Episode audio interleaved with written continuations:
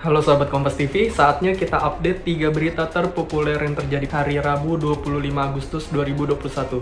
Tapi sebelumnya jangan lupa untuk subscribe dulu channel YouTube Kompas TV.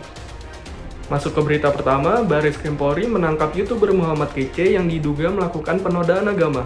Setelah ditangkap di Bali, sore ini Muhammad Kece telah tiba di Baris Krim. Sebelum ditangkap, Muhammad Kece sempat berpindah-pindah tempat. YouTuber Muhammad Kece ditangkap setelah bersembunyi di Badung, Provinsi Bali. Penangkapan langsung dilakukan oleh personel Baris Krim Polri. Setelah ditangkap, Muhammad Kece pun langsung dibawa ke Jakarta untuk pemeriksaan lebih lanjut di Baris Krim Polri. Tidak ada upaya dari yang bersangkutan untuk bisa mengklarifikasi terhadap masalah ini ke penyidik. Jadi penyidik melakukan penangkapan pada tempat persembunyiannya di Bali.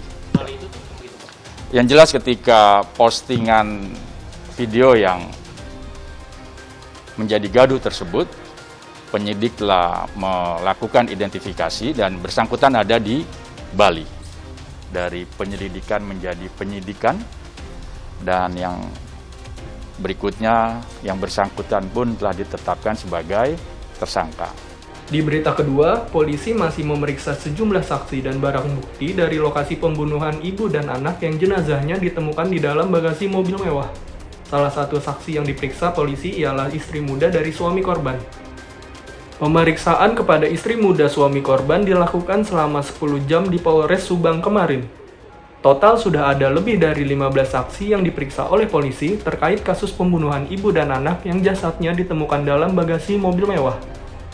Polisi menyebut belum menetapkan tersangka dalam kasus ini karena masih memeriksa sejumlah saksi dan barang bukti terakhir itu sudah di, uh, ada 15 atau 16 saksi yang sudah diminta keterangan. Kemudian otopsi sudah dilakukan ya. Kita menunggu hasil dari uh, otopsi kemudian hasil penyelidikan. Dan mohon doanya ya, dalam waktu dekat ini mudah-mudahan Polres Subang dapat mengungkap. Nah kita tidak bisa tergesa-gesa terkait masalah pengungkapannya. Karena kita harus melakukan pendalaman, mengevaluasi, menganalisa bukti-bukti yang didapat. Di berita terakhir, Presiden Joko Widodo siang tadi melantik gubernur dan wakil gubernur terpilih Kalimantan Selatan di Istana Negara Jakarta.